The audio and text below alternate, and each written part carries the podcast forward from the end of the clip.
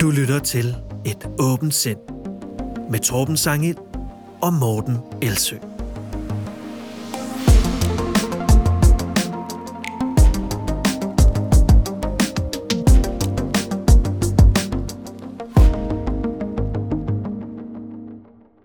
I dag skal det handle en del om konspirationsteorier og den konspirationsteoretiske tankegang, men øh, vi skal også tale om en mirakelkur mod kræft, der viste sig at være lidt for god til at være sand, selvom TV2 har lavet en øh, dokumentar om den. Og øh, så tager vi en lille smule hul på den russiske propaganda.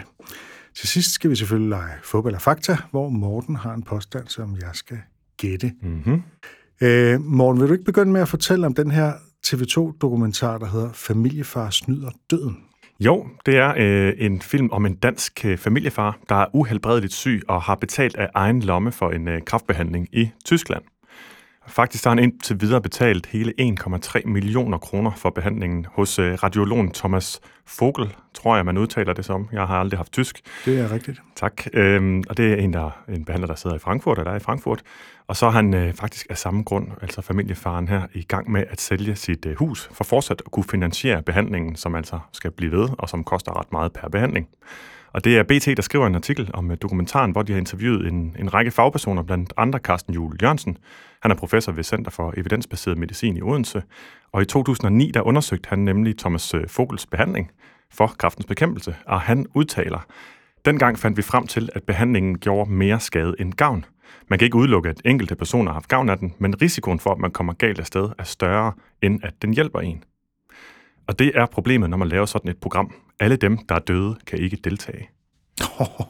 Ja, men ja, det er faktisk meget det, godt det, udpenslet. Ja, ja, det, så er det til, virkelig sat på spidsen, altså kan man sige. Ikke? Jamen, det er også i forhold til det, vi talte ja. om sidst med, med, med cherrypicking, eller det, vi har talt om før, der, at, at når man, når man ikke får data fra alle, men bare udvælger data for dem, for hvem det er gået godt, så får du virkelig ikke et retvisende billede. Det er også det, man kan kalde anekdotisk evidens. Ikke? Præcis. Så det relaterer sig altså meget til vores snak om cherrypicking. Og det er, når man udvælger de datapunkter, bare lige for at genopfriske det, der støtter op om ens påstand, og så ignorerer de andre, for på den måde at nå en helt anden konklusion, end hvis alt data var taget i betragtning. Når man kun registrerer de patienter, der klarer sig godt, så får man netop ikke det rette billede af effekten af behandlingen. Og det er jo det samme cherrypicking i sin yderste potens, det er, når man bare tager en historie frem og viser den, øh, og, og, og giver også følelsen af, at øh, der er noget, der virker her.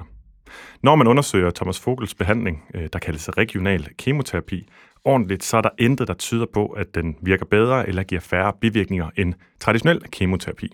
Det fortæller Ole Larsen, også der han er overlæge på øh, kraftafdelingen på Herlev Hospital, og han har forsket i netop den behandling. Det er jo TV2, der har lavet den her dokumentar. BT har fundet ud af, at øh, der nok ikke er noget hold i den behandling, at der kan gøre mere skade end gavn, men det er TV2, der har lavet den, og det synes jeg er sådan lidt spøjst. Fordi det sender lidt tanker hen på en anden dokumentar, de lavede tilbage i 2015. Det ved jeg ikke, om du har tænkt over også, Torben. Jo, det har jeg. Der er et eller andet med TV2 og alternative behandlinger og, og, og vaccinemodstand og sådan noget, som... Ja, det, det ligner en tendens. Ja, det gør det, og det kan vi jo tale om senere, om der er et mønster, eller om det er bare os, der ja, fanger der skal man jo tjekke. Det kan også være, at de har en, en hel masse, som er, er kritiske over for det. Det skal, det skal man fuldstændig lige uh, huske på. Men den her uh, dokumentar tilbage i 2015, den bestod blandt andet af personlige uh, fortællinger fra en række piger og unge kvinder, der havde øh, fået forskellige symptomer i tiden efter HPV-vaccination. Jeg tror, den hed De Vaccinerede Piger, hvis jeg husker rigtigt. Det kan godt være, at jeg tager fejl. Øh, den dokumentar den fik øh, mange forældre til at tøve med at få deres døtre vaccineret, på trods af, at ingen studier havde vist nogen sammenhæng mellem vaccination og de symptomer, de unge kvinder oplevede. Senere har grundige studier så vist, at der ikke var en større forekomst af de symptomer blandt øh, kvinder, der havde fået HPV-vaccinen, sammenlignet med andre kvinder, der ikke havde, og at vaccinen i øvrigt er særdeles effektiv til at forebygge livmoderhalskræft. Det vil jeg bare lige få understreget, når vi nu taler om det. Det synes jeg skal med. Det kunne man tale længere om, men tilbage til sagen om den nye dokumentar. Øhm, for to dage efter BT's artikel har TV2 nemlig valgt at trække dokumentaren tilbage. Fordi den var sådan ukritisk over for den her behandlingsmetode, eller hvordan? Ja, det må man sige. Det blev ikke... Øh, der var ikke, ja, den var rimelig ukritisk omkring det. Fik fremlagt den her anekdote, som om, at der var altså et eller andet særligt, man kunne opnå her igen, og som man altså ikke kunne få i Danmark, hvilket jo taler ind i sådan en historie om øh, måske et forstokket behandlingssystem øh, i, i Danmark, hvor man ikke tager nye behandlinger ind. Men det var altså forfriskende, synes jeg, med en ansvarlig reaktion på kritikken fra TV2. Øh, den savner man virkelig, dengang deres øh, vaccinedokumentar blev øh, kritiseret i sin tid. Det synes jeg ikke, de tog særlig øh, konstruktivt imod i første omgang. Det har jo krævet en kæmpe stor indsats senere at få øh, vaccinetilslutning eller tilslutning til HPV-vaccination øh, op på et niveau, hvor den virkelig gør en forskel. Det kan jo være, at de netop har lært, altså det er jo, det er jo, det er jo TV2 er jo en stor virksomhed, så det er jo en bestemt redaktion, ikke? men altså dokumentar- eller faktaredaktion, eller hvad den hedder, ikke? Mm. Øh, at de har lært noget af den anden historie, og derfor er hurtigere den her gang til at at komme ud og trække i land. Ikke? Mm, det kunne man håbe i hvert fald. Men den her dokumentar, den er ikke kun et symptom på, øh, på nogle mangler hos TV2's redaktion, som man så kunne tale om, øh, om de er mere systematiske, eller om det sådan er tilfældigheder en gang imellem. Den er også et eksempel på øh, hele ideen om, at der findes nyskabende, bedre behandlinger i andre lande, som danske læger er for, for stokket til at godkende, som jeg var inde på før. Og den idé har eksisteret i mange år, øh, og det ved jeg især, fordi min mor blev syg af kræft i busbytkirtlen tilbage i 2008. Og som alle, der har erfaringer med den krafttype, ved, så er det en, man sjældent overlever. Øhm, og da min mor et, efter et år med den diagnose begyndte at blive rigtig syg, blev øh, min bror og jeg især desperate, ligesom alle andre. Min mor var 53, jeg var 22, og min bror var 24, og vi ville øh, kæmpe, virkelig kæmpe. Der var den historie om, som mange af os har, vi ville kæmpe mod den kraftsygdom og bekæmpe den, og havde også ideen om, at min mor var særlig stærk og kunne bekæmpe den, og vi skulle bare finde den rigtige løsning. Det er sådan en udbredt metafor, at man har en kamp mod kraften, ja. og det er, det, er en, det er et slag, der skal vindes og sådan noget. Ikke? Og hvis man har viljestyrke nok, så kan man bekæmpe den. Ja, og det er det, det, er det sidste, du siger, som så gør det lidt farligt, og som gør, det, gør, at man egentlig nogle gange føler næsten, at man har gjort det forkert og ikke gjort nok, hvis man dør af en sygdom, som man altså faktisk overhovedet ikke har nogen øh, kontrol over. I hvert fald meget, meget, meget lidt. Og derfor er den, er, den, øh, er den egentlig ret problematisk. Ja, det synes jeg også. Vi skældte decideret ud på lægerne, vi var unge og øh, desperate, og troede også, at vi havde fundet ud af, at man kunne gøre det bedre, end det blev gjort. Der blev også begået nogle fejl dengang i min mors behandling, så der var også noget at, at blive sur over, men det var så, hvad det var. Men vi skældte ud på lægerne på hospitalerne, der ikke øh, kunne redde hende, og vi lagde faktisk planer om at tage til Kina, til USA og ja, til Tyskland, også for at få behandling, der jo endnu, endnu ikke var godkendt i Danmark. Jeg har ikke øh, dokumenterne og mailsene fra den gang. De er simpelthen blevet slettet desværre, men jeg har en fornemmelse af, jeg synes, jeg kunne genkende navnet, så det skulle ikke undre mig, at Thomas Fogels behandling faktisk var en af dem, der var på papiret. Især ikke, fordi når jeg nu har undersøgt det lidt, så kan jeg se, at det var netop der omkring, det var op at vende her i Danmark, om det var noget, som man skulle betale for fra dansk side, at folk kunne komme derned og få behandling. Hvorfor det blev undersøgt netop tilbage i 2008 øh, stykker. Ja. Min mor døde desværre, inden det kunne lade sig gøre. Øh, og jeg blev senere bekendt med, altså inden at det kunne lade sig gøre at komme nogle andre øh, steder hen og få nogle eksperimentel behandling, men jeg blev så også senere bekendt med, at de behandlinger, vi havde øh, kigget på og havde forhåbninger om kunne virke, de rangerede fra dårlig videnskab over sødevidenskab til decideret svindel. Så det var godt, at vi trods alt ikke valgte eller kom øh, derhen til. Omstændighederne, der gjorde, at vi ikke gjorde det, var selvfølgelig meget øh, sørgelige. Thomas øh, Fogels behandling, den er ikke skør i øvrigt, vil jeg sige. Den er ikke baseret på magisk tænkning eller gamle myter. Ja, hvad går den ud på? Jamen, den tager udgangspunkt i kemoterapi egentlig, og en hypotese om, at hvis det gives på en anden måde, så får man bedre resultater. Altså giver det mere lokalt i stedet for globalt, kunne man sige, eller systematisk, altså øh, får det ind i blodet og rundt i kroppen. Øh, men uanset hvor godt en hypotese så end lyder, så er det altså først i mødet med virkeligheden, at vi finder ud af, om den rent faktisk holder. Og der er altså efter alt at dømme intet særligt ved den. Der har været nogle resultater, hvor det ser ud som, at tumorer de skrumper hurtigere, når de får den regionale kemoterapi. Men når man måler på rent faktisk overlevelse og bedring, så, er, så oversættes det bare ikke til det. Og det er det, der er de reelle mål for, hvorvidt en behandling den øh, egentlig skal foretrækkes frem for andre behandlinger. Det er risikabelt at vælge den til, fordi den kan skade mere, end den gavner. Det vil jeg bare sige til dem, der kunne overveje ja, det hvad er det for en skade? Jamen det er især, hvis man samtidig får en anden behandling, som den øh, påvirker. Så hvis man er i gang med en behandling herhjemme, og så tager til Tyskland og får den her medicin, de interagerer med hinanden, de metaboliseres samme sted i leveren typisk, øhm, og, og det påvirker simpelthen, hvordan man reagerer på forskellige medicin, så kan det have den modsatte effekt. Og så kan man jo også ende med at spille øh, enorme summer på sådan en behandling. Min personlige erfaring er også, at man kan spille en masse energi på at søge kuren, øh, som kunne have været brugt på at nyde den sidste tid sammen. Håb, især koblet med desperation, er altså ikke altid en god ting. Og det er som sagt bare min egen erfaring. Jeg ville have ønsket, at vi havde brugt den tid.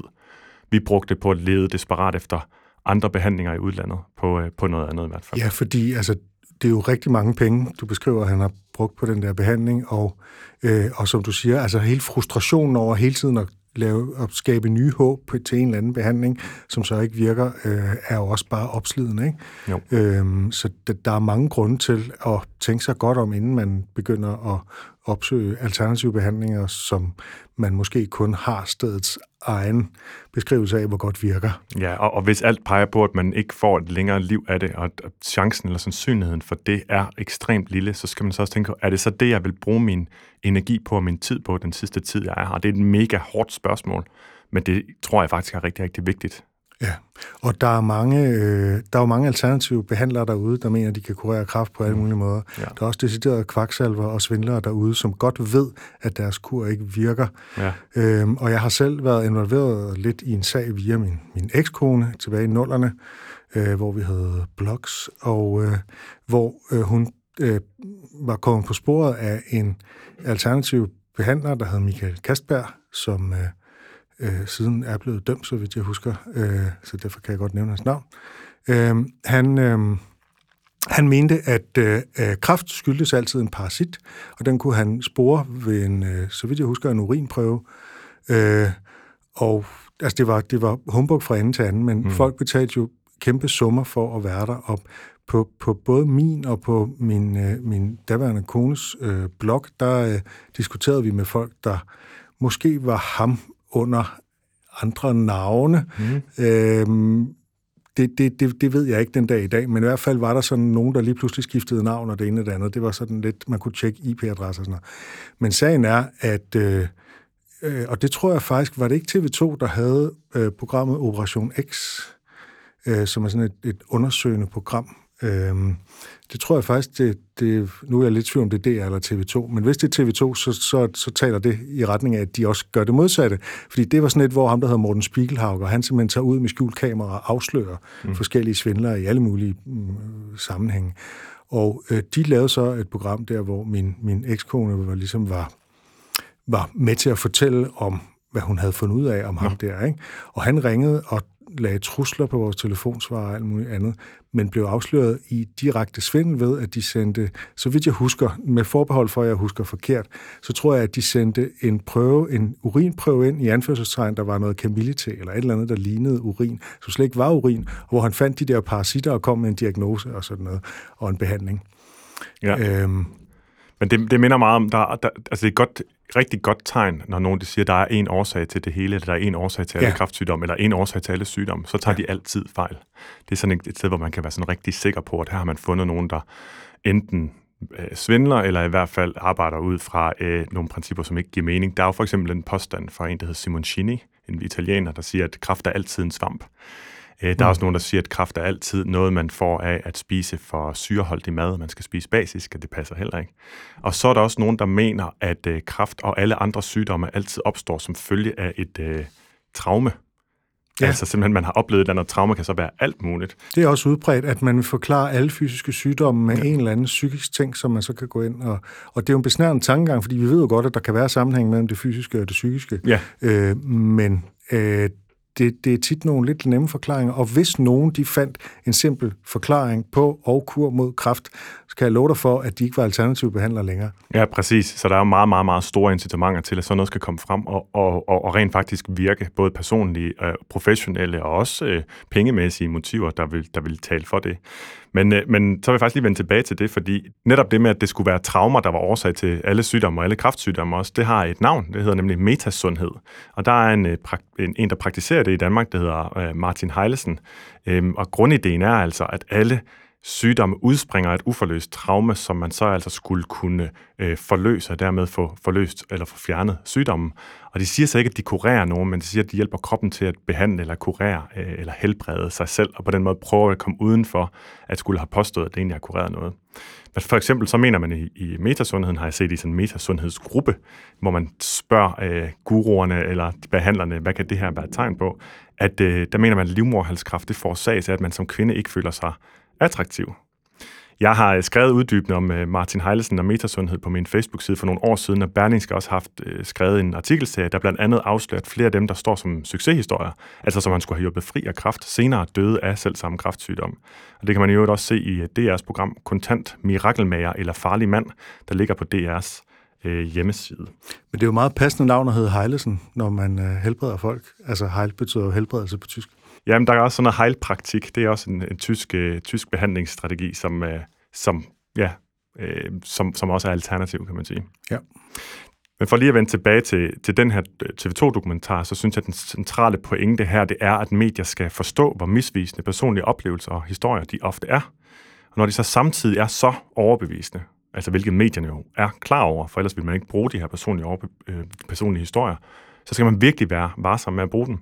Og man skal egentlig sikre, synes jeg, at historien er eksempler på reglen og ikke på undtagelsen, altså på virkeligheden og ikke på ønsketænkning. Og jeg vil også lige give sådan en stor ros egentlig herfra til journalisterne på BT for at gå i kødet på den dokumentar.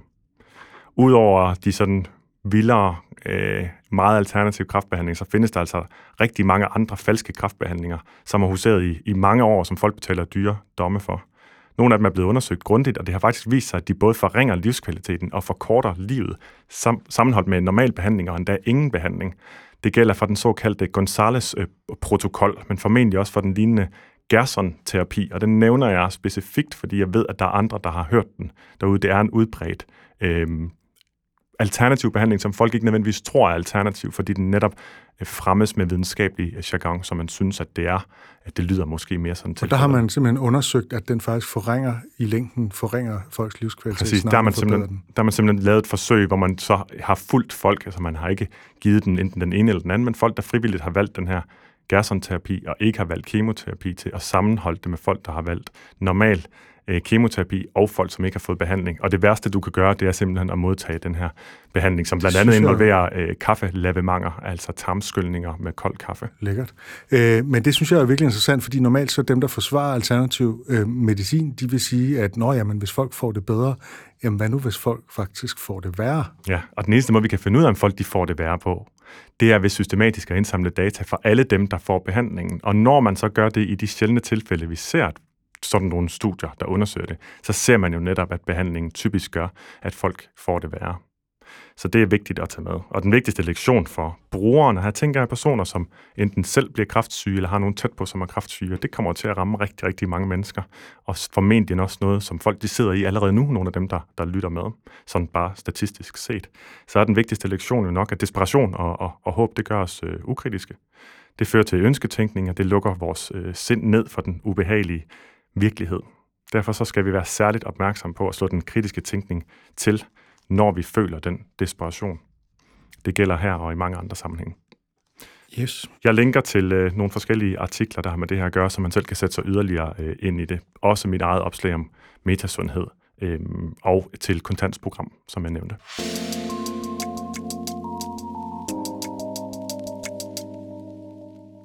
Og vi skal også tale om øh, forholdet mellem dem, der benægtede øh, corona, og så dem, der forsvarer Rusland og Vladimir Putin. Vil du øh, lægge ud, Morten? Ja, det kan jeg godt. Ja, fordi sådan næsten fra den ene dag til den anden, så stoppede hele verden med at tale om corona. Det ved jeg ikke, om, øh, om du bemærkede også, øh, Torben. Jo, der var jo en genåbning. Og... Der kom en genåbning, og så kom der jo også en øh, krig. Det, det føltes i hvert fald som om, at alle skiftede fokus, øh, for da Rusland de besluttede at øh, invadere Ukraine, så vendte hele verdens, eller i hvert fald hele vestens øh, blik i den retning. Det har i hvert fald været oplevelsen på, på sociale medier og medier og i samtalen generelt. Ja. Så corona er glemt. Og, der var noget nyt at gå op i, og noget, som også var polariseret, kan man sige. Også det, det blev det i hvert fald hurtigt. Mens vi øh, alle, stort set alle, groede over at være vidne til, til flere og flere forfærdeligheder i Ukraine, begået af, af Rusland og russiske soldater, og fik forstærket vores fjendebillede af Putin, øh, så skete der også noget helt andet hos dem, der har spredt konspirationsteorier om corona de sidste to år. De er simpelthen gået øh, fra anti-vaccine til anti-Ukraine, hvis man sådan skulle sætte det lidt på spidsen. Øhm, og i hvert fald sådan, sådan groft sagt, at det giver jo egentlig ret god mening, øh, for hvis man i forvejen har bestemt sig for, at såkaldte mainstream medier, de lyver, så vil man jo flux antage, at deres, øh, deres udlægning om Ruslands invasion af Ukraine, de er forkerte. Og dermed at Putin i virkeligheden er helten og ikke skurken. Og det er lige præcis sådan nogle ting, man ser nu fra de samme personer, som som udbredt mange konspirationsteorier om, ja. øh, om corona, var corona-fornægter, eller hvad man nu kan kalde det. Og der tror jeg, vi skal understrege, at det er nogle af de samme personer, fordi øh, jeg kan se, at der er nogen, altså jeg har fulgt øh, sådan Putin-propaganda, altså sådan løsligt fuldt på de sociale medier, øh, tilbage til 2016 deromkring, øh, hvor det begyndte for alvor at tage fart blandt sådan danske, på de danske sociale medier. Og en del af dem, men ikke alle, måske halvdelen af dem, øh, de sprang så på på en eller anden afart af QAnon eller coronabenægtelse, mm. øh, øh, og forsvaret i øvrigt også, som er en del af Putin-pakken, øh, Assad i Syrien og, og så videre. Ikke? Ja. Øhm, og øh, så er der så en anden halvdel, som kun enten abonnerer på den ene eller den anden, af dem, der ligesom, som jeg støder på derude, som jeg sådan, sådan følger lidt med i, hvad, hvad går de nu og siger mm. af, af ting, ikke? Øhm, så det er ikke men så der er, men, det, men det er, der er alligevel et påfaldende stort sammenfald. Ja. Altså det er, det, er, det er jo statistisk meget signifikant. Ja. Øh, og, og det, man kan uddrage af det, det er jo, at der må være, altså der er en eller anden mentalitet i det, som er anti-mainstream media, ikke? Jo, og det er netop den helt centrale bias hos folk, der har en tendens til konspirationsteoretisk tænkning, eller sådan en konspirationsteoretisk mindset. Det er jo, at den officielle forklaring må være forkert, som vi også kommer til at vende tilbage til. Og som jeg skrev på Twitter i går, så fører den bias til automatafvisning af officielle kilder og ukritisk tillid til modstridende beretninger. Det er selvfølgelig også sat lidt på spidsen, men det er i hvert fald det, man oplever, oplever synes jeg. Som øh, konspirationsteoretiker, så vil man altså konsekvent mene noget helt andet, og ofte, hvis det kan lade sig gøre, det modsatte af den officielle udmelding. Især når det handler om sager, der påvirker mange mennesker, som for eksempel en pandemi eller en krig, øh, som alle taler om. Og når man så gør det, så går jagten så ellers i gang øh, med at finde eller lede efter nogen, der siger det, man gerne vil høre, hvor man så overvurderer lødigheden af deres budskaber og deres ytringer, øh, og forholder sig ukritisk til det, og samtidig forholder sig særligt mega kritisk, faktisk blankt afvisende til, øh, til alt det, der er den officielle udmelding. Og det kan man også se på, øh, på øh, Twitter, hvor der også bliver delt, og der bliver delt mange YouTube-videoer med nogen, som har en anden oplevelse. Der er ingen dokumentation, det er bare en person, der sidder og fortæller, enten i et studie, eller sidder derhjemme, og så er det via Zoom, og sidder og fortæller om, at det i virkeligheden forholder sig på en anden måde, uden noget som helst andet end han, hans egen beretning som, som evidens, hvis man kan sige det sådan. En af dem, der har skiftet coronafokus ud med Ukraine-fokus, det er bassist og sangskriver i bandet Danser med Drenge, Claus Kellerup. Han skrev øh, blandt andet på Twitter forleden, Vestens medier lyver 180 grader om Ukraine-konflikten. Russerne bomber intet. Det er de ukrainske nazi-terrorgrupper, der bomber i Ukraine. Oven på øh, hans udmeldinger om Ruslands invasion af Ukraine har resten af bandet i øvrigt valgt at vende ham ryggen. De vil simpelthen ikke spille med ham mere. Det er der skrevet en masse artikler om her de sidste par dage. Og det er vist nok rent teknisk sådan, at det er ham, der nu er bandet, og de andre, der er gået ud. Så det er ikke sådan, at han er blevet smidt ud af Danser med Drenge, men han er alene tilbage i Danser med Drenge. Ja, og så er det vist noget med, at han har sagt, at han gerne vil have, lade dem fortsætte, men så vil han så trække sig, fordi han har så stor respekt for publikum og for arrangørerne. Øh, så, det, så han har også været ude og sige, at han virkelig fortryder det. Okay. Samtidig så fortsætter den retorik jo så øh, på Twitter.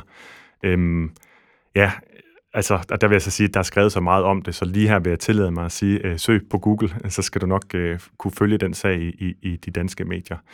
Øhm, Claus Kellerup har tidligere jo øh, ytret sig mod for eksempel corona. Øh, øh, Han har været meget sådan øh, øh, corona-fornægtende, ikke? Ja, præcis. Og, og tidligere også nogle andre ting, som har været anti-mainstream, hvis man kan sige det sådan. Når man får sådan lige at runde af, så betyder det her jo faktisk, at hvis man har et konspirationsteoretisk mindset, så er ens tænkning meget forudsigelig, meget simpel og ukritisk. Og det strider jo egentlig noget mod selvfortællingen hos mange, der tror på konspirationsteorier, nemlig at de tænker frit og kritisk.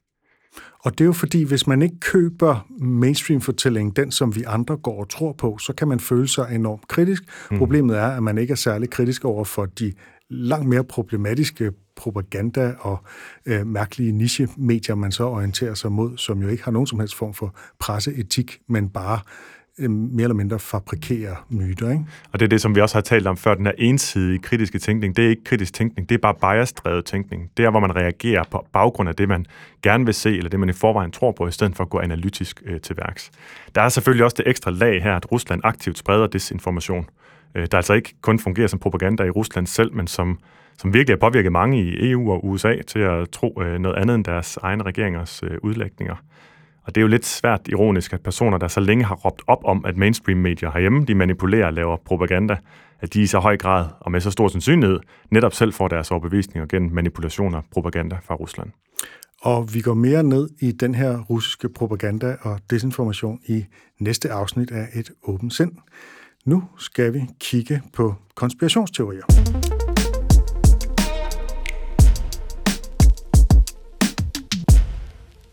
Vi er i øh, det, man kan kalde for sidste fase af vores gennemgang af denne her flik-model over teknikker til at benægte videnskab. Vi er nået til det sidste C, der handler om conspiracy theories, altså konspirationsteorier. Den er øh, omfattende. Det er et omfattende C her, så vi tager den over to omgange. Og i dag, der skal det primært handle om forskellige former for mistænksomhedsbias og om mønstergenkendelse. Så øhm, det er måske mere tankegang, end det er egentlige teknikker, kan mm. man sige. Øhm, men før vi gør det, så tror jeg, at vi lige skal slå en meget vigtig ting fast, når vi taler om konspirationsteorier. Når vi bruger ordet konspirationsteorier og konspirationsteoretikere, så er det ikke bare et begreb for, at man mener, at en konspiration har fundet sted. Fordi det er en af de hyppigste indvendinger fra konspirationsteoretikere, øh, at der jo er eksempler på virkelige konspirationer fra historien. Ikke? Mm.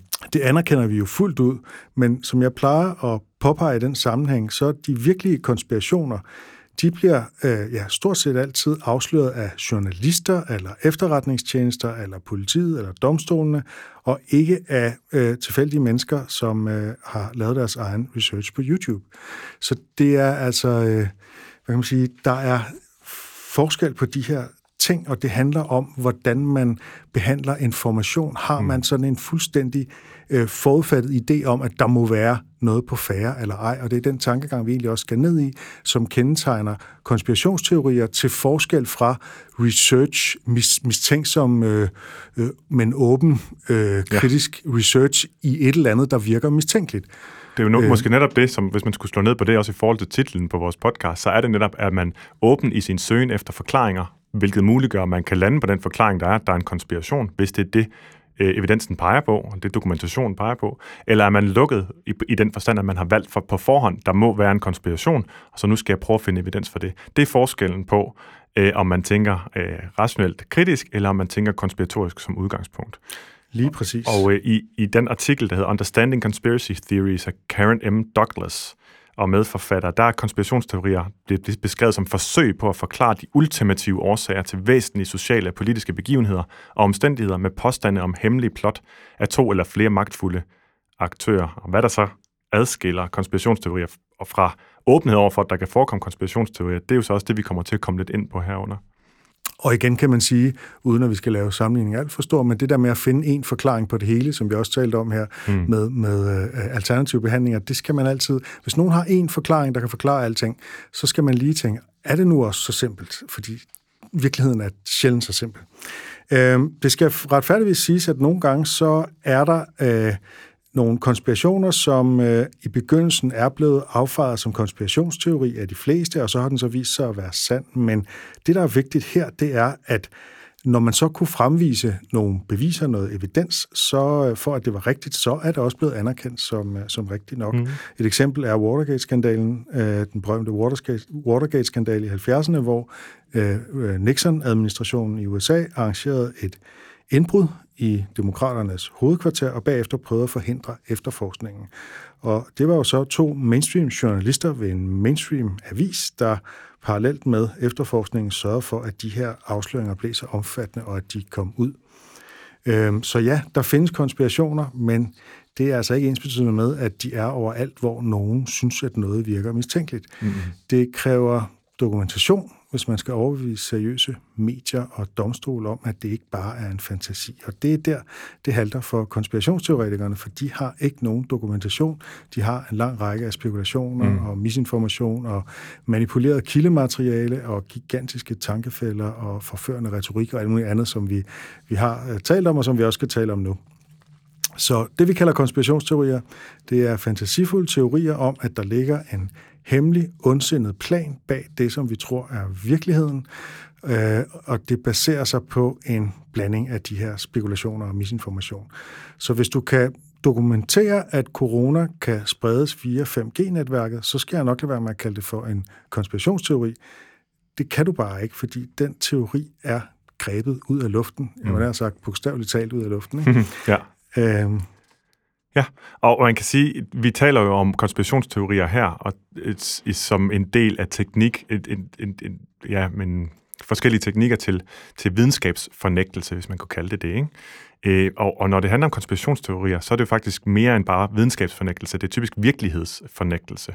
Øhm, og det kræver nogle stærke motiver, som vi har været inde på før, og som jo ikke er det, vi skal gennemgå nu, men jeg vil bare ganske kort lige nævne dem altså motiverne til at kunne fornægte den eksisterende virkelighed til fordel for en, som man nærmest konstruerer netop gennem spekulation, som man typisk forveksler med dokumentation.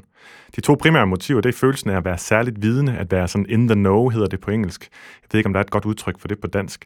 Øhm, og så det fællesskab, der, der følger med, når man så har en konspirationsteori, som man samler sig omkring. Og det giver selvfølgelig øh, god mening, især hos mennesker, som måske ikke i forvejen har et fællesskab, eller er blevet ekskluderet fra et fællesskab, så man jo så også ser, at det er en del af sådan demografien for dem, der typisk tror mere på, på konspirationsteorier end andre.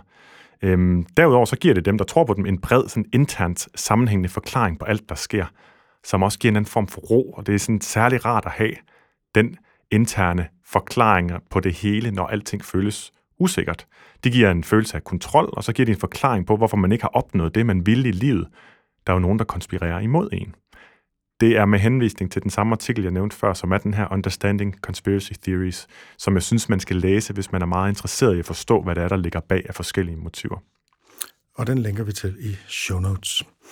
Øhm, og så til øh, flikgennemgangen. Vi begynder med øh, tre mistænksomhedstankegange, der er beslægtede, selvom John Cook øh, skældner mellem dem. Øh, nemlig alt dominerende mistænksomhed, og noget må være forkert og forbryderiske hensigter. Og vi begynder med at slå alt dominerende mistænksomhed og noget må være forkert sammen, har vi besluttet. Altså John Cook, som har lavet den her flikmodel, mm. han deler det op i to, men de handler begge to om sådan en grundlæggende mistænksomhed over for den officielle forklaring. Og den her øh, mistænksomhed er jo nærmest sådan en forudsætning for den konspirationsteoretiske tænkning overhovedet. Altså det, at man er så mistænksom, at man ser mistænkelig adfærd over alt, og, mm. og som sagt forholder sig til mistænksom til den officielle forklaring, nærmest per refleks. Den officielle forklaring, den er jo nærmest per definition øh, for konspirationsteoretikere negativt lavet, for hvorfor i alverden skulle myndighederne dog sige sandheden. Mm-hmm. Så den officielle forklaring er nærmest per definition øh, forkert. Øh, de, øh, de har nok noget at skjule. Ja. Something must be wrong. Ja, man starter med konklusionen i virkeligheden, som er det, vi også beskrev egentlig før. Man starter med konklusionen og bevæger sig derfra, i stedet for at søge efter viden, og så prøve at komme frem til en konklusion. Og så kan man altid finde et eller andet, man ikke helt synes stemmer. Ja.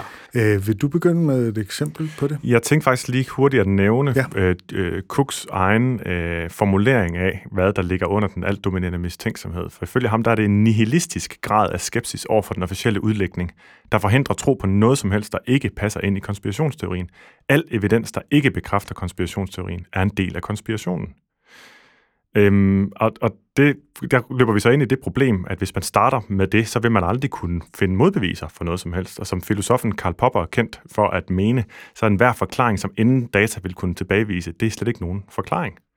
Og derfor er det jo, det, det er jo også sådan et råd, vi nogle gange giver til, hvis man debatterer med konspirationsteorier. Spørg den, du debatterer med, hvad vil kunne overbevise dig om noget andet? Ja, og det, og det har de tit svært ved at svare på, for de vil ikke overbevise som noget Nej, andet. præcis. Og, og, og netop det, som man søger efter, det er det, der hedder falsificerbarhed. Altså en ja. påstand skal kunne tilbagevises. Der skal, man skal kunne forestille sig, man skal kunne tænke sig til, at en påstand eller en overbevisning skal kunne være falsk, hvis det er tilfældet. Og det er helt centralt, øh, at, at, at, noget, at en påstand eller overbevisning skal være falsificerbar i den skældning mellem videnskab og pseudovidenskab, der kaldes demarkationsproblemet, som er det, som Karl Popper, filosofen her, øh, beskæftigede sig med blandt andet. Ja. Men vil du komme med et eksempel, Morten? Ja, altså i forhold til øh, den altdominerende mistænksomhed, den her følelse af, at noget må være galt forkert, så synes jeg, at den her Plandemic-film, der udkom øh, i forbindelse med coronapandemien, egentlig, ja. egentlig bare i navnet, øhm, øh, lugter lidt af, af, af den tilgang. Ikke? Altså, der er en idé om, at her er der noget, det må, der må være en plan bag det, der må være en anden forklaring end den, som, som vi får at vide. Øh, den påstod, påstod generelt, at vacciner er skadelige pengemaskiner, og noget, vi mister, øh, no, og noget med, at vi mister retten til at vælge selv og, og udtrykke os øh, frit.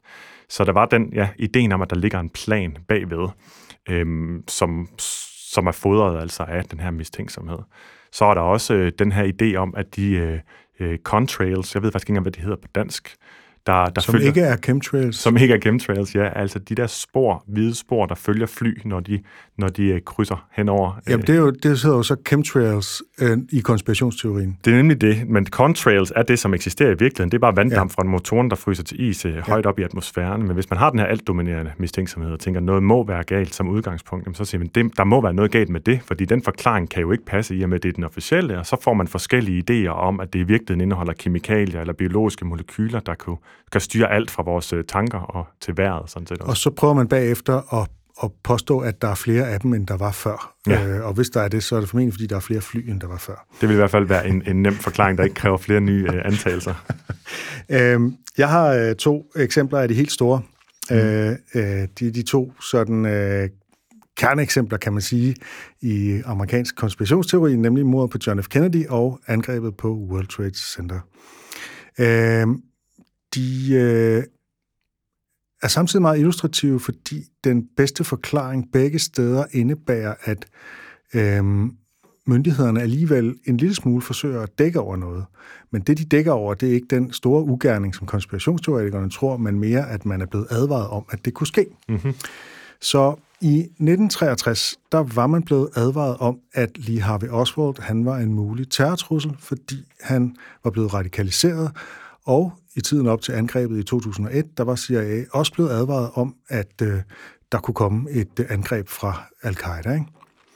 Øhm, og det har man så forsøgt at skjule. Mm. Øh, og det er selvfølgelig også skandaløst. Øh, det er der slet ingen tvivl om. Det er bare ikke det samme som, at CIA har henrettet præsidenten, eller at regeringen har arrangeret 9-11-angrebet. Mm. Der er ligesom en forskel. Ja. Øhm, den officielle forklaring på mordet på John F. Kennedy er, at Lee Harvey Oswald skød John F. Kennedy, og at han handlede på egen hånd. Og konspirationsteorien går på, at CIA de gerne ville af med John F. Kennedy, og det var også øh, øh derfor også planlagt af politiet, at øh, Jack Ruby skød Lee Harvey Oswald, inden han nåede at blive dømt. Altså han var sådan på vej til at blive transporteret til sin celle eller til afhøring eller et eller andet. Mm. Så kommer denne her Jack Ruby, ikke? Jo, og så blev det så ligesom noget, der igen støttede op om konspirationsteorien, fordi så ja, man og det fjernet... virker virkelig også øh, Ja. ja. mærkeligt. Mhm. Øh, den officielle forklaring, den står i The Warren Report, som det hedder. Og den er over 900 sider lang. Det er en dokumentation af alle vidneudsagn og, øh, og beviser osv., og, og de færreste har nok øh, læst den igennem. Øh, de fleste vil nok hellere læse en af de spændende 2.000 bøger, der er kommet om mordet på John F. Kennedy, hvor øh, mange siger, at den officielle forklaring nok ikke kan passe. Mm. Der må være noget galt, something must be wrong. Ja. Men der er ikke rigtig nogen, der har kunne komme med noget dokumentation for det overhovedet, selvom de virkelig har prøvet. Og øh, nu sidder der nok nogle lyttere derude og siger, ja, men hvad med vinklen på kuglen, eller hvad med det her mm. dokument og sådan noget. Jeg må bare sige, at øh, der til synligheden findes en god forklaring på det hele, og jeg har diskuteret det her med folk øh, i mange år, og hver gang de præsenterer mig for noget, som de mener er dokumentation for, at den officielle holdning, den ikke holder, så kan jeg påvise, hvorfor deres dokument eller link, eller hvad det nu er, det ikke holder. Hmm. Det er det Øh. samme som med 9-11 i øvrigt. Så er der, det er også blevet til noget, hvor der findes sindssygt mange separate påstande, ja. som er jo blevet tilbagevist. Og når man så tilbageviser den ene, så kommer der bare en ny. Ja. Ja. Jamen, hvad med det? Jamen, hvad med det? Øhm, selvfølgelig er det sådan, at hvis der kommer noget dokumentation frem, som viser, at der var en konspiration, så accepterer jeg det naturligvis, men indtil videre, så er det faktisk ikke den bedste forklaring. Og hvad angår 9-11, så er det lidt den samme historie. Mm. Altså, den officielle forklaring er så delt i to, kan man sige. Altså, der er en politisk forklaring mm. øh, om, at, at gerningsmændene var al-Qaida, som havde hijacket de fly, der fløj ind i World Trade Center. Og så er der den øh, nørdede tekniske forklaring af, hvordan bygningerne kunne styrte sammen, øh, som er lavet af National Institution of Standards and Technology. Øh, den er ikke nødvendigvis fyldesgørende i alle detaljer, men den er altså stadigvæk den bedste forklaring alt i alt. Men den bliver jo betragtet med en helt ekstrem mistænksomhed af mm. konspirationsteoretikerne, der betragter den som fuldstændig værdiløs. Altså det er næsten NIST, som er sådan en forkortelse for den her øh, institut. Øh, det er nærmest et, et skældsord i konspirationskredse, ikke? Jo, så hvis man henviser til den, så vil de bare sige, den tror vi overhovedet ikke på sådan fra starten. Man har simpelthen valgt alt det fra, der egentlig er der, hvor evidensen er samlet, ja. altså informationerne er samlet i. Øh, øh, der må ligge noget andet bag. Især bygning 7, der styrtede sammen efter at have brændt længe, altså hvor der ikke var noget fly, der fløj ind i, men den, den brændte, og så styrtede den sammen efter at have brændt længe. Den er der stor mistænksomhed øh, omkring, og den dominerende konspirationsteori er, at der er tale om en kontrolleret sprængning, altså en, en eksplosion med noget sprængstof, ikke? og at motivet det så skulle være altså noget så småligt som ejendomsspekulation. Øhm, at det ikke er en lige så sandsynlig forklaring, den er faktisk langt mindre sandsynlig og fuldstændig udokumenteret, på trods af, at der er mange, der påstår noget andet. Øh, det vil kræve et helt program at, at, at øh, gå ned i, men altså, man kan for eksempel gå ind på det, der hedder 911facts.dk, altså 9 11facts.dk. Jeg skal nok linke til det i show notes, hvis man vil læse mere. Eller på den engelske Wikipedia faktisk, der redegør for både øh, konspirationsteoriernes påstande og øh, debunks-appen. Ja. Og det opslag, det hedder noget som mundret som World Trade Center Controlled Demolition Conspiracy Theories, altså på Wikipedia. Der er 95 fodnoter, som man kan jo virkelig nørde igennem og, og tjekke kilder osv. Så, videre, ikke? så det er ikke fordi, at jeg bare siger, at Wikipedia er sådan en fantastisk kilde i sig selv, men engelsk Wikipedia er virkelig god til det her med, med fodnoter. Ikke? Jo. Øh, jeg skal nok linke i show notes til begge ting. Og øh, i behøver ikke at sende mig mails med links til Niels Heidt eller andre uh, tvivlsomme kilder. Jeg har været der. Ja, øhm, de to. Men, ja, men hvis man vil være mistænksom, så er der altid uh, noget mistænkeligt over den her officielle forklaring. Og der er ingen officiel forklaring, der nogensinde vil være god nok for den her alt dominerende mistænksomhed. Mm-hmm. Og det er jo nemlig det, at man mener, at noget må være galt. Det er jo en forudindtaget, forudindtaget holdning, som helt klart ytret. Det er at sige, at jeg har en bias, der ser sådan ud, som jeg får alt til at uh, passe ind i. Og det er jo egentlig meget sjovt, når man så ser det, for det er jo en, altså vidderligt noget, jeg har stødt på mange gange. Siger, noget må jo være galt. Der er jo et eller andet andet, end det vi får at vide. Når det er udgangspunktet, så har man ligesom fået sat ord på det konspirationsteoretiske uh, tankesæt. Og det at være mistænksom er ikke helt det samme som at være kritisk. Der er en forskel på de to ting, og det er måske det, som, øh, som nogle gange bliver forvekslet, fordi kritisk tænkning, det handler om at kigge på facts og argumentere og vurdere sandsynligheden af dem øh, med sådan en nærmest videnskabelig nøgternhed, i stedet for øh, at have mistænksomheden som udgangspunkt, og så søge at få den mistænksomhed bekræftet. Ikke? Som jeg var inde på, jeg tror måske, det var i første afsnit, så kritisk i, i, i den forbindelse, kritisk tænkning, det betyder faktisk vurderende tænkning. Så det er lige præcis som du nævner, det er faktisk, at man vurderer enhver påstand. Man forsøger at vurdere den rationelt. Det er ikke det samme som, at man som udgangspunkt har en, en mistro over for den. Det er to forskellige ting. Men på grund af en lang sådan historie for politisk, øh, ideologisk kritik og sådan noget, så har man en idé om, at, at det at være mistænksom i sig selv er en kritisk position. Ja, men det er det altså ikke. Den næste øh, her i, øh, i øh, John Cooks flikgennemgang, det er den, der hedder forbryderiske hensigter af nefarious intent. Den er beslægtet med mistænksomhed, men den fokuserer ikke så meget på forklaringerne, som på det, at magthaverne nærmest per definition må have forbryderiske hensigter, øh, lige med undtagelse af Trump, som af en eller anden grund er undtaget, eller øh, Putin måske også. Øh, altså, alle konspirationsteorier bygger jo på, at der er nogle onde, magtfulde mennesker, der står bag det hele. Ikke? Mm. Og de vil enten have penge, eller endnu mere magt, eller også så vil de udslette menneskeheden, eller en del af menneskeheden, eller øh, ja... Et, eller en kombination. Ja, eller en kombination. Eller det seneste nye, at de vil opnå evig ungdom ved at drikke børneblod. Altså, der er ingen grænser for, hvad man kan finde af motiver. Og det er vist gammel vin på nye flasker i øvrigt også, øh, så vidt jeg ved. Øh, den historie om, at det er for at, for at holde, sig, holde sig ung, og man skal drikke, og man skal ind til det her adrenokrom, som altså er et opfundet øh, præparat, som skulle kunne udvindes øh, på baggrund af at øh, skabe frygt hos, øh, hos unge mennesker eller hos børn som er en del af QAnon-komplekset. Præcis, og det var også det første eksempel, jeg egentlig havde med. Det var den her idé om, at man skulle holde sig unge ved, ved at høste adrenokrom. Altså en egoistisk og en, en, øh, en egoistisk mission, som i hvert fald tager udgangspunkt i noget, som er aldeles ondskabsfuldt eller psykopatisk, eller i hvert fald, hvor man er ligeglad med andre mennesker. Og det er øh, den her med de forbryderiske hensigter. En hensigt, det er også det samme som et... Eller det læner sig i hvert fald op af motiv, så det vi taler om her er jo i virkeligheden bare motivspekulation. Ja. Og det skal man generelt være opmærksom på, at når man møder folk, som bruger som argument, at nogen må have et motiv for noget, som vi har været inde på før, det her qui bono, som du fandt øh, ja. ud af, det, ja. det hed, øhm, at, at det er lidt et red flag, fordi det ikke er i sig selv et argument, ligesom det ikke vil være en retssag, der kan du ikke kun, du kan ikke, du kan ikke øh, hvad hedder det, sigte nogen, eller du kan ikke, øhm, hvad hedder det, fængsle nogen, dømme nogen, det var det ord, jeg ledte efter, kun fordi de havde en grund til at begå en forbrydelse. Du skal ligesom også finde ud af, at de rent faktisk har begået den. Og når man betragter magten på den måde, altså per definition som, som ondsindet, så udelukker man jo en masse andre forklaringer på det, der foregår i verden. For eksempel, at der slet ikke er en konspiration, men at vi sådan nogenlunde får at vide, hvad der sker, undtagen en portion statshemmeligheder, øh, eller at politikerne de faktisk mener, at deres handlinger er til det bedste, mm. eller at de simpelthen begår fejl. Altså, den mulighed er dog også. Ja. Øh, øh, og det har vi da set mange eksempler på, at politikere begår fejl. Og det skal de selvfølgelig kritiseres for, og nogle gange skal de også fyres fra deres øh, ministerium og alt muligt andet, og vi, har, vi lever i et demokratisk samfund, hvor vi kan vælge øh, en anden regering, øh, når vi er trætte af dem og alt det der. Og der er også masser af rige og magtfulde mennesker, der, der udnytter de mindre venstillede og generelt er grådige i forhold til både penge og magt. Og det skal vi også øh, forholde os kritiske til. Det er klart. Men det er ikke det samme som, at man kan opstille en helt ny forklaring på virkeligheden, udelukkende på baggrund af motivspekulation. I øvrigt motiver, som man ikke har fået efterprøvet om overhovedet eksisterer.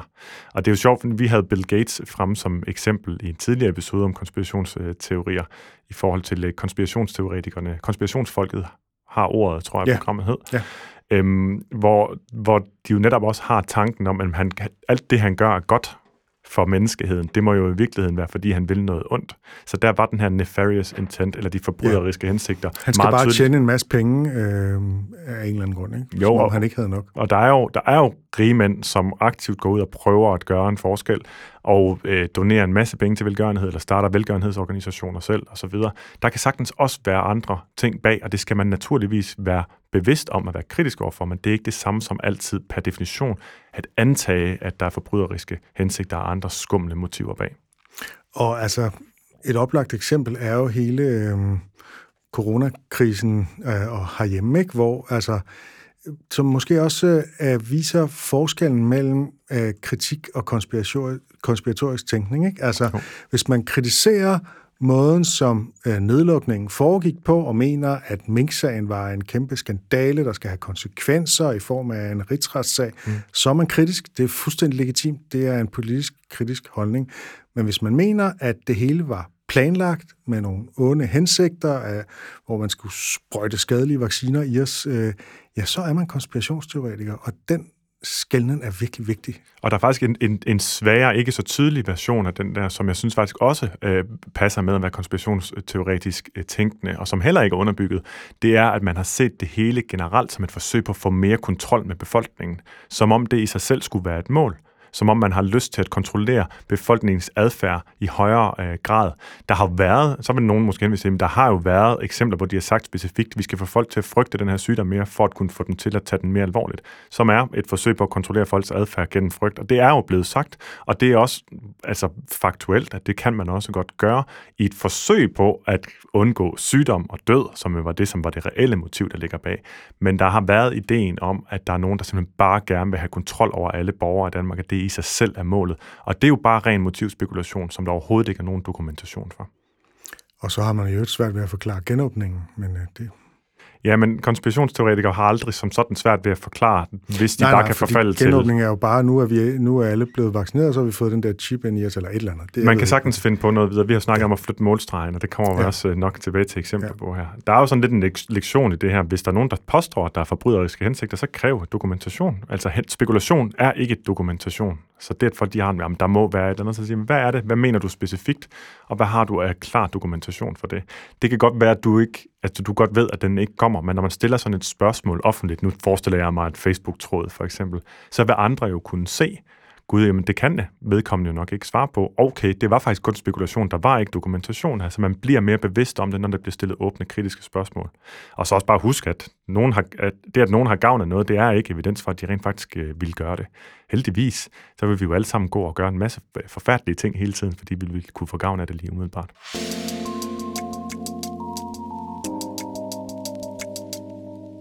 Lad os gå til øh, den tredje øh, og omfortolke tilfældigheder. Det er jo sådan øh, et gennemgående træk ved konspirationsteorier, at man ikke rigtig, øh, tænker jeg, accepterer tilfældigheder. Man betragter det, der sker, som planlagt og kontrolleret i alle mulige detaljer. Så der er ikke plads til tilfældige sammentræf og klodsede dumheder og kompleksitet og alt muligt uden en større plan bagved. Det er det, som John Cook så kalder for reinterpreting randomness, altså mm. at omfortolke tilfældigheder. Ja, hvor han jo så i det udtryk jo har den præmis, at det er tilfældigheder, som man så får til at blive til en ikke-tilfældighed eller til et mønster. At det er den tendens, som, som det ligesom beskriver, og selvfølgelig hvordan det kommer til udtryk. Og her er vi så inde i noget, der vil øh, måske lige så meget kan være en tankefælde, altså en bias, som en mm. egentlig teknik. Ikke? Og øh, et eksempel på det, det er den her evne til at se mønstre i alting. Og det er jo en, en indbygget, øh, nærmest biologisk øh, refleks, eller faktisk biologisk refleks, vi har alle sammen. Ikke? Altså, jo. vi ser for eksempel ansigter alle vejen. Ikke? Hvis der er en bygning med to vinduer og en dør nedenunder, så ser vi nærmest som, som et ansigt. Ikke? Og stikkontakter op, altså to prikker og en, en buet streg, så mm. ser vi ansigter. Det er derfor emojis, de øh, fungerer. Ikke? Og det øh, gør vi jo, fordi vi er programmeret fra naturens side til at fokusere meget på netop ansigter. Det er nyttigt for os øh, simpelthen at kunne genkende ansigter øh, i, i alt muligt. Ikke? Jo, og kunne se mønstre helt generelt er også en rigtig god idé. Vi skal hellere se et mønster for meget end mønster for let. Jeg har brugt den forklaring, at hvis, man, hvis der gik en tiger øh, i, i, i langt væk, gik bag nogle blade eller nogle buske eller et eller andet, og man kun kunne se lige en ganske kort bevægelse af noget, så skulle man, dem, der havde forestillingsevnen til at sige, her er skulle nok en tiger, jamen de overlevede i højere grad end dem, der tænkte, ah, det tror jeg ikke, der er. der, så der er en, en, en udvælgelse, kunne man også forestille sig, i retning af at blive, blive overmønstergenkendende i stedet for mindre. Ja, altså der er et begreb, der hedder apofenia, som er det, at man opfatter tilfældige og meningsløse indtryk som meningsfulde, og tildeler dem en dybere mening. Ikke? Det er for eksempel det, man bruger, når man erfarer kunst, altså man finder en mening i et udtryk, og mm. opfatter det som om, det er lavet med en særlig intention. Og det er jo noget af det, kunsten kan, så i forbindelse med kunst er det jo meget nyttigt også. Ikke? Men når det handler om virkeligheden, så er det noget lidt andet, og når den her spontane evne, den bliver meget stærk, så man ser mønstre alle mulige vegne, især når man ikke længere kan se, at det er ens hjerne, der spiller en et pus, men tror, at de mønstre, man ser, er betydningsfulde tegn, så lider man af det, der bliver kaldt for patternicity på hmm. engelsk, mm. altså ja, mønsteritis, eller hvad man vil øh, oversætte det til. ja, og, og den her tendens fandt jeg lige ud af nu her, øh, inden, inden vi skulle optage, så jeg læst lidt på det igen. Den her tendens til at tro på konspirationsteorier, den er faktisk også stærkere hos personer, der konsekvent søger mønstre og mening i deres miljø, Øh, såsom folk, der tror på paranormale og, overnaturlige fænomener. Og det er jo også det, jeg selv har set i min egen branche, hvor der kommer mange alternative ernæringspåstande fra alternativ behandlingsbranche, hvor folk tror mere på deres intuition og på deres mavefornemmelse og ser mønstre rundt omkring, som de, som de baserer deres øh, forestillinger, deres idéer og overbevisninger på. At det er også de samme personer, som har tendens til at gå over og tro på konspirationsteorier. Og udover de generelle mønstre, så er der sådan en udbredt øh, beskæftigelse hos konspirationsteoretikere, som er at se, se mønstre i alt muligt, og samtidig tro på, at de rummer nogle hemmelige budskaber. Det kan mm. være satanistiske øh, budskaber, altså logoer med 666, øh, som er dyrets tal, og øh, frimurer og Illuminati-symboler alle vegne og sådan noget. Øh, og jeg har givet dig et handout, øh, Morten, hvor ja. øh, der er øh, en række eksempler. Vi skal nok øh, nøjes med at tage et par af dem, men hvis du nu, øh, hvis du nu kigger på øh, et øh, IT-firmaet Adobes logo, ja. hvad ser du så? Jamen, der ser jeg jo først og fremmest bare øh, genkendelsens glæde, skulle jeg lige til at sige. Jeg ser jo bare, jeg genkender jo bare logoet, som det er. Og så ved siden af det, er der så sat et lighedstegn. Og hvis man så tager tre af de logoer, og så øh, sådan semi farver en tredjedel af det af gangen, så, så ligner det tre øh, sekstaller.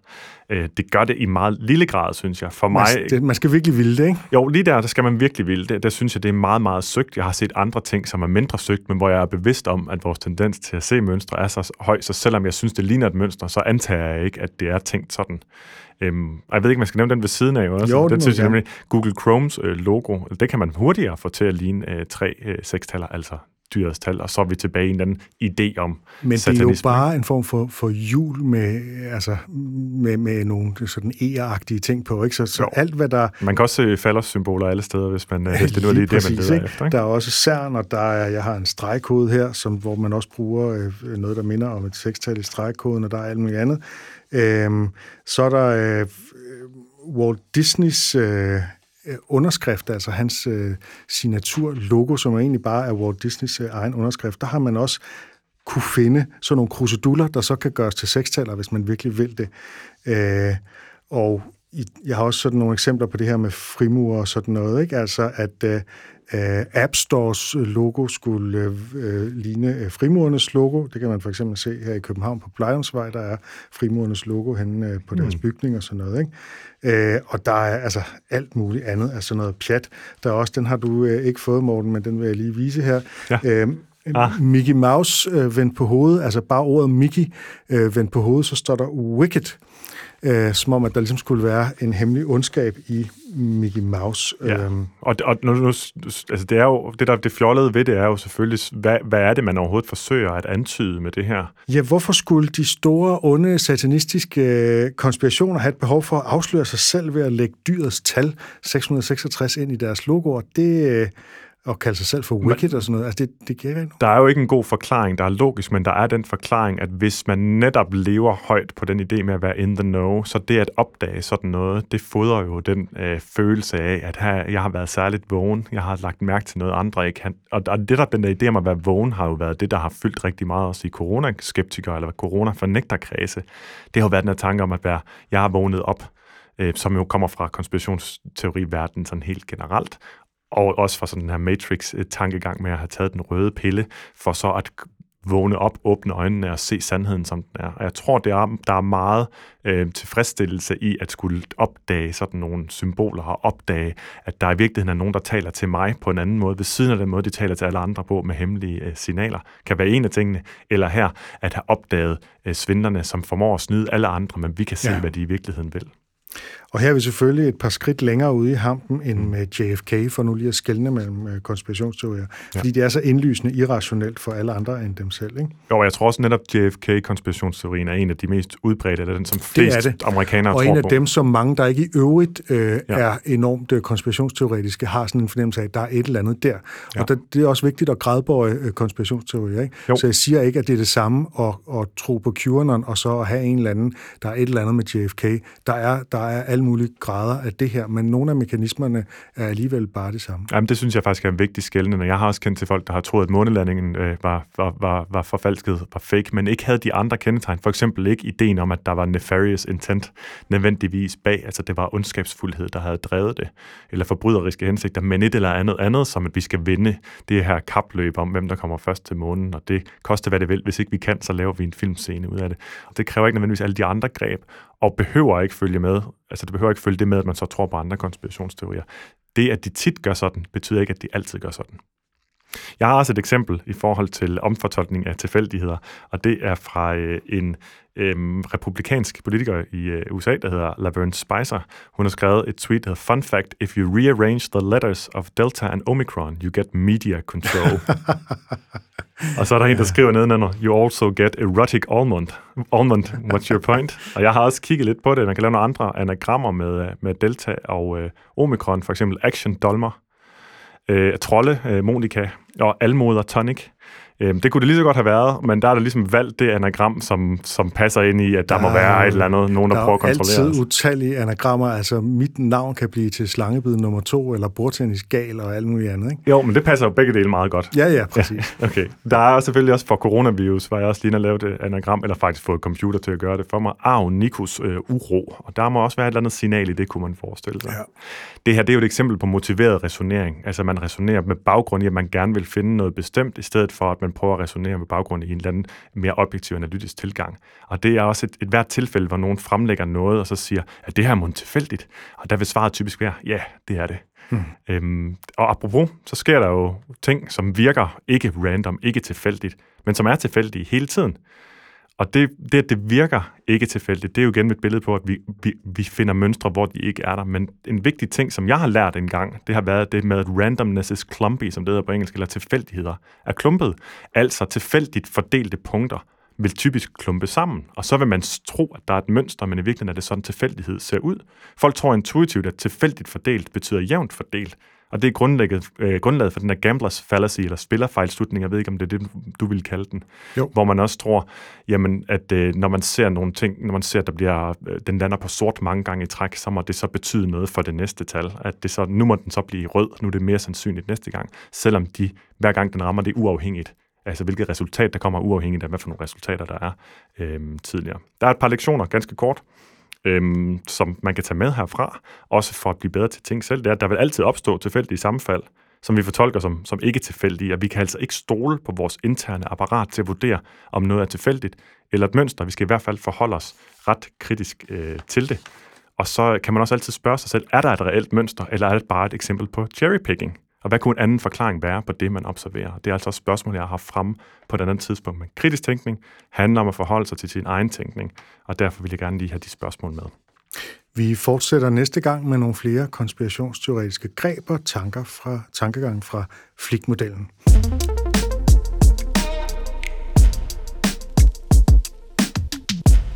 Og nu skal vi lege fup eller fakta. Og du har taget en påstand med, Morten. Ja, det er en lidt længere påstand. Du må gerne få den gentaget, men prøv at holde tungen lige i munden i første omgang her.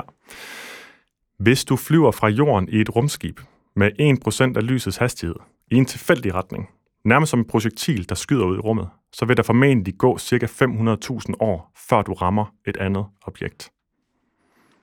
Det er en interessant øh, påstand, og jeg har forstået den, så jeg behøver ikke at få den gentaget. Og objekt er ikke et atom, men det vil være noget ja, ja. som en stjerne eller en planet. Eller sådan ja, yes. materiel øh, genstand, der fly, flyver rundt ud i rummet. Øhm, øhm, planet, meteor og et eller andet. Ikke? Øhm, jeg synes, at det lyder sandsynligt faktisk, fordi det, som man nogle gange har... Øh, er, er, okay, ja, der, der, okay, der er to sider af det. På den ene side, der er utrolig langt mellem de store himmellegemer ude i rummet. Altså helt utrolig langt, mere end vi kan forestille os.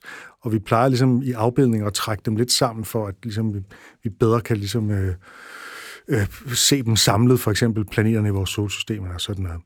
Så det er, den, øh, det er den ene side af det. Den anden side af det er, at der er kommet så mange satellitter og rumskrald, øh, at øh, hvad kan man sige, den første del af den der rejse, der er det måske nok øh, mere sandsynligt, at man rammer et eller andet på vej ud, fordi det var, det er rigtig forstået, det var fra jorden og ud, ikke? Jo, men jeg regner ikke satellitter med. Du regner ikke satellitter med? Okay, så du vil måske medgive, at øh, de øh, ændrer lidt på, denne, på det her regnestykke? Det kan jeg ikke lige på stående fod Der er vurdere. sindssygt mange satellitter. Du skal prøve at se et kort over det. Ja. Det er helt sindssygt. Okay, øhm, okay satellitter så ikke... Åh, ja. Hmm. Øh, okay, hvis satellitter ikke tæller med, så... Jeg kan sige, at jeg tror ikke, det vil gøre en stor forskel, for du flyver meget hurtigt så, så, det, så du er en meget, meget, meget kort tid. Altså 1% af lysets hastighed er meget hurtigt. Ja, ja. Mm. Men, det, men det er irrelevant. Vi sorterer alligevel... Øh... Ja, ja. Jo, men altså øh, hurtighed, der er jo stadig objekter. Der, øh, man har stadig en bane, selvom den er hurtig. Ikke? Øh, Jamen okay, men så øh, hvis ikke satellitter tæller med, fordi det var egentlig min store sådan indvending, øh, så tror jeg faktisk på, at, den er, at det er fakta. Er det dit endelige svar? Ja. Det er fup. Nå, men ikke af den grund, du tror, Nej, tror jeg. sikkert ikke. Så svaret er, så det bedste, jeg har kunne finde ud af i hvert fald, jeg skal nok lige vende tilbage til kilden bagefter, med mindre du rammer noget med det samme, hvilket du formentlig ikke gør, så vil du næsten med sikkerhed aldrig ramme noget som helst. Så jeg sagde 500.000 år, før du rammer noget. Det føles som lang tid, ikke? Mm. Altså man tænker, det er et højt tal. Mm. Det er det ikke overhovedet på astronomisk så det, skala. Så det er langt højere i gennemsnit. Selvom galakser er samlinger af stjerner, så er de stadig primært uh, tomrum. Stjerner, bare som for at forklare og for at kunne sætte sig ind i det, fordi som du selv er inde på, det er virkelig svært at forholde sig til de her distancer. Stjerner støder stort set aldrig ind i hinanden. Selv når galakser kolliderer med hinanden, store galakser, for eksempel vores vil kollidere, jeg mener det er med Andromeda-galaksen på et tidspunkt, der regner man heller ikke med, at der kommer nogen sammenstød mellem stjerner, fordi det primært er tomrum. Så at et rumskib, der er markant mindre end en stjerne, altså virkelig mange gange mindre end en stjerne, skulle støde ind i en stjerne, det er endnu mindre sandsynligt.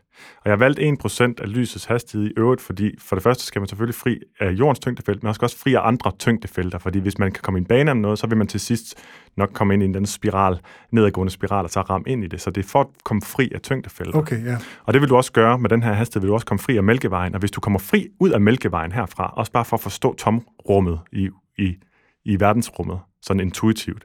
Når du kommer fri af Mælkevejen, så vil du sandsynligvis aldrig støde på en anden galakse nogensinde. Og selv hvis du gjorde, vil du flyve lige igennem den, uden at ramme noget som helst. Du vil bare fortsætte for evigt ud i intetheden, Torben. Det er et godt billede på ensomhed. Ja. Det svar, det har jeg i øvrigt fra Reddit. specifikt for brugeren AstroKiwi, der til synligheden arbejder med simuleringer af galakser. Det er det, der står i handlen, men jeg kan ikke verificere det. Og i den subreddit, der hedder Ask Science, hvor han eller hun også er moderator.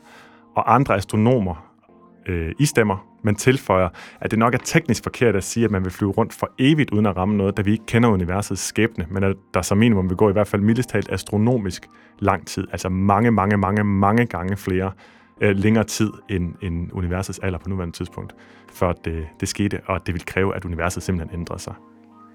Yes. Det var, hvad vi havde valgt at bringe i et åbent sind for denne gang. Som sagt, så vil vi næste gang forsøge at dykke lidt ned i den russiske propaganda, som må sige at være massiv i de her uger. Vi slutter som altid af med et citat, som du har valgt, Morten.